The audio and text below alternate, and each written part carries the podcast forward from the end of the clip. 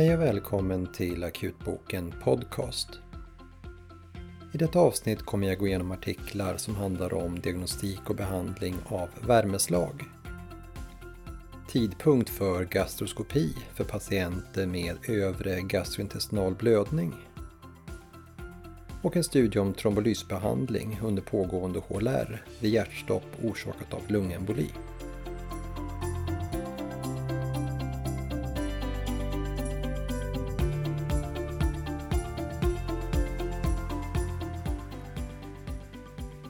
Värmeslag är ett allvarligt tillstånd med hög risk för både allvarliga komplikationer och dödsfall om det inte diagnostiseras korrekt och behandlas tidigt. Vid tidig behandling av värmeslag är prognosen vanligtvis god om patienten inte har andra allvarliga underliggande sjukdomar. Men för patienter som inte får behandling tidigt ökar risken snabbt för bland annat akut njursvikt, hjärnödem, ARDS, DIC olika kombinationer av multiorgansvikt under 2019 har två reviewartiklar om värmeslag publicerats, dels i New England Journal of Medicine och dels i Wilderness and Environmental Medicine, som jag tänkte här gå igenom kortfattat. Värmeslag kan huvudsakligen delas in i ansträngningsutlöst värmeslag som uppkommer i samband med kraftig fysisk ansträngning eller som omgivningsorsakad värmeslag där omgivningstemperaturen orsakat temperaturstegringen hos patienten. Kriterier för diagnosen värmeslag är kombinationen av en kroppstemperatur över 40 grader tillsammans med förekomst av neurologiska symptom som till exempel förvirring, sänkt medvetandegrad eller krampanfall. Mycket hög kroppstemperatur kan förekomma vid kraftig fysisk ansträngning även utan att personen har drabbats av värmeslag. Och det är just kombinationen av den höga kroppstemperaturen tillsammans med neurologiska symptomen som krävs för diagnosen.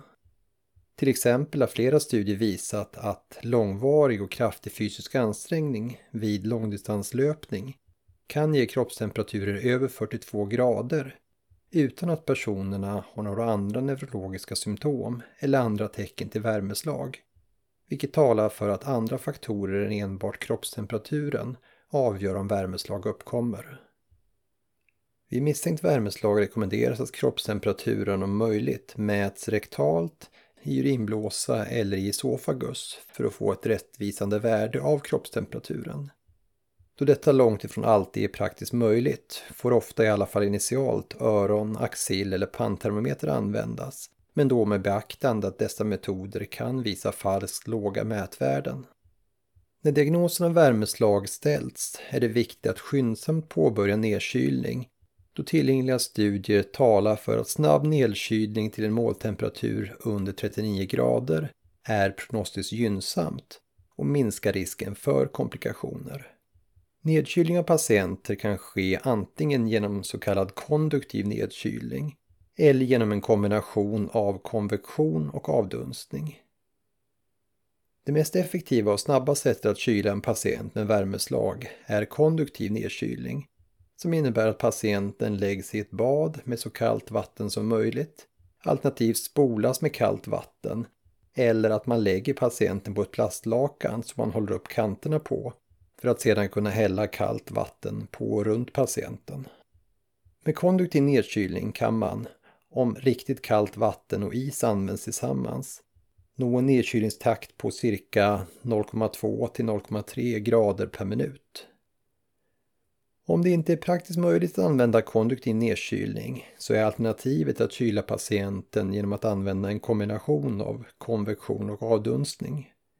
Detta åstadkommer man enklast genom att man låter patienten ligga avklädd på britsen utan täcke samtidigt som man sprayar kallt vatten över hela patientens kropp och sedan låter fläktar blåsa luft på patienten.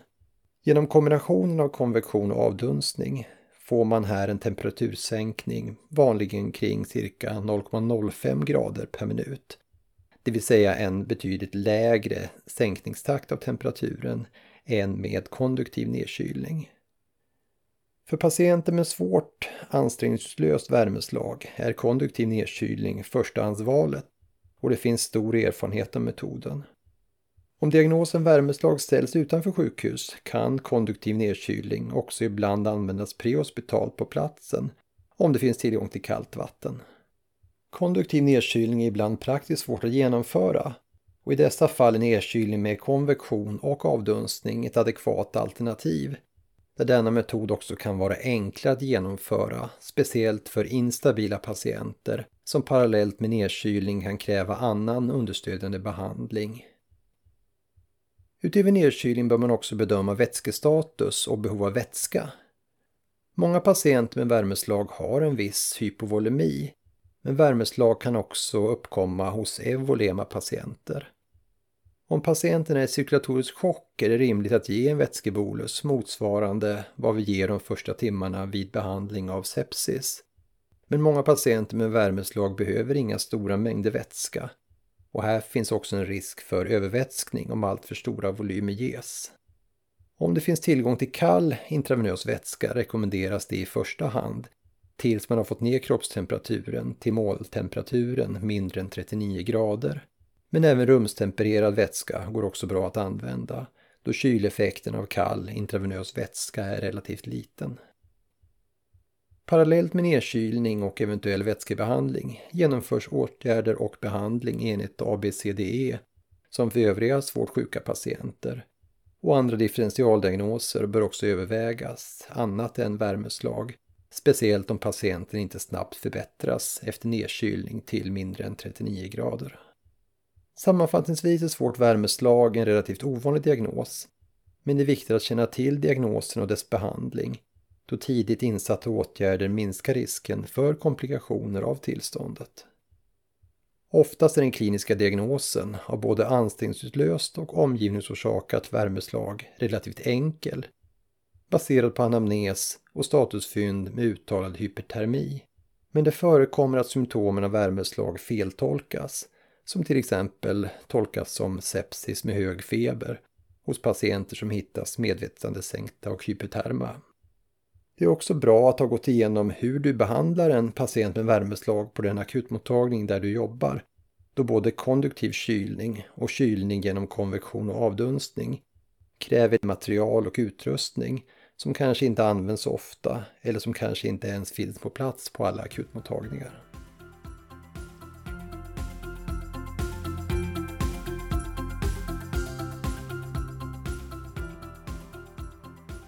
Patienter som inkommer akut med tecken till övrig GI-blödning behöver oftast läggas in för vidare utredning med gastroskopi, både för diagnostik och behandling.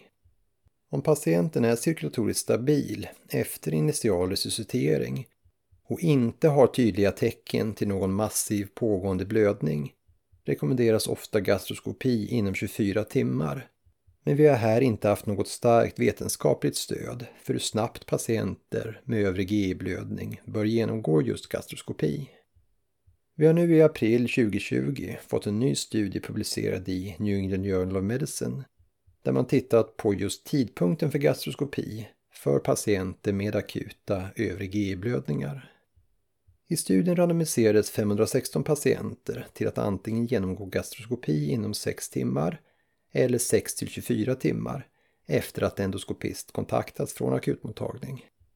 Patienterna som inkluderas i studien var patienter som hade tecken till en allvarlig övre GE-blödning, vilket i studien definierades som ett Glasgow Blatchford score på minst 12, men som inte bedömdes vara i cirkulatorisk chock eller som inte stabiliserades efter initial resuscitering.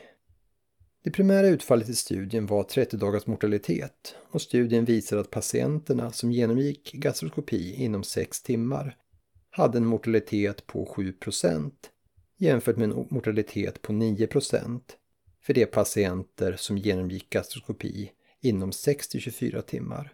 Men statistiska analyser visar att det inte var någon signifikant skillnad i utfall mellan grupperna.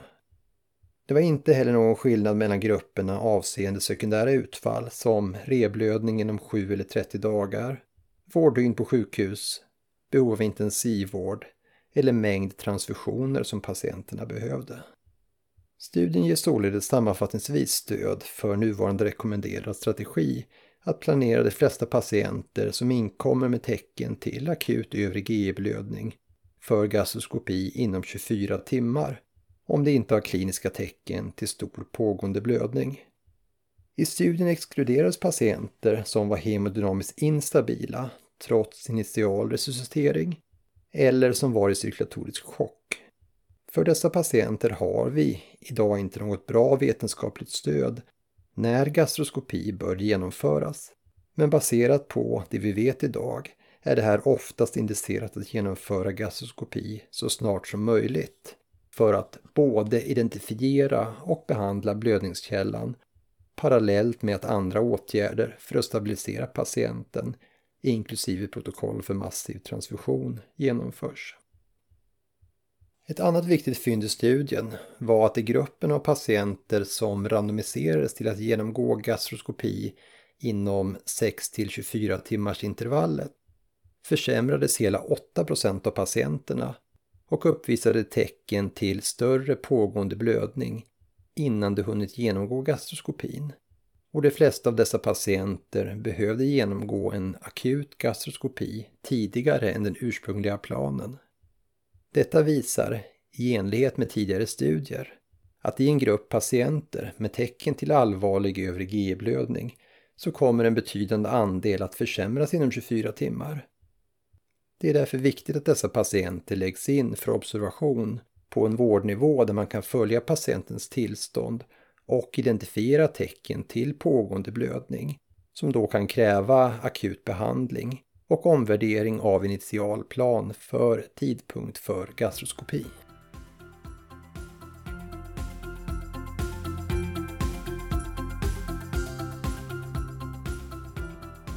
Vi vet sedan flera tidigare stora randomiserade studier att trombolysbehandling av alla patienter som drabbas av hjärtstopp inte medför någon behandlingsvinst avseende flera olika utfall inklusive överlevnad.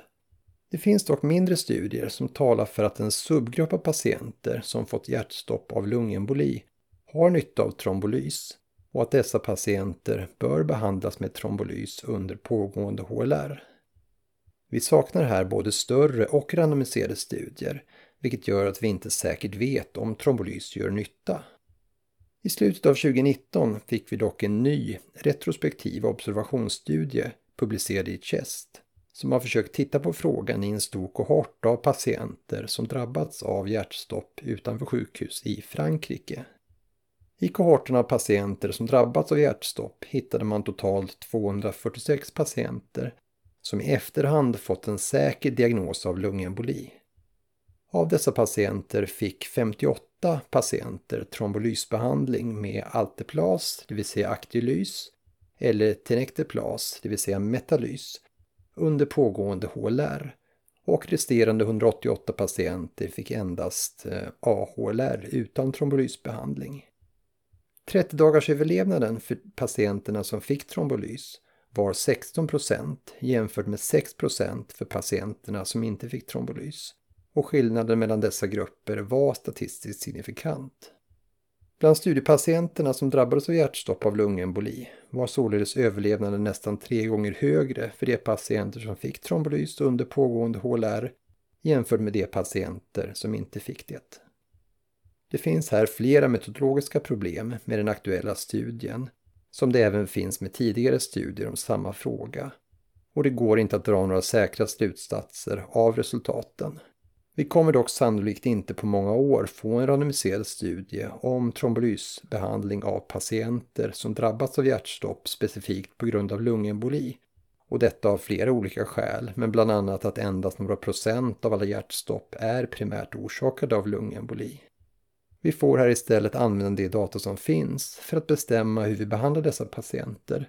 Och den aktuella studien ger ändå tillsammans med tidigare studier visst stöd för att ge trombolysbehandling under pågående HLR till hjärtstoppspatienter som har en mycket stark klinisk misstanke om lungemboli som orsak till hjärtstoppet.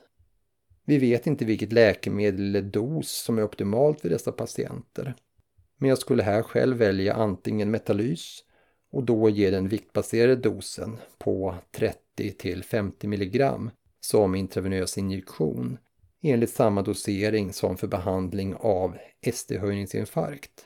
Alternativt skulle jag ge Actylys som bolus 50 mg intravenöst under några minuter följt av infusion med ytterligare upp till 50 mg under två timmar om återlivningsförsök pågår så länge eller om patienten får rosk.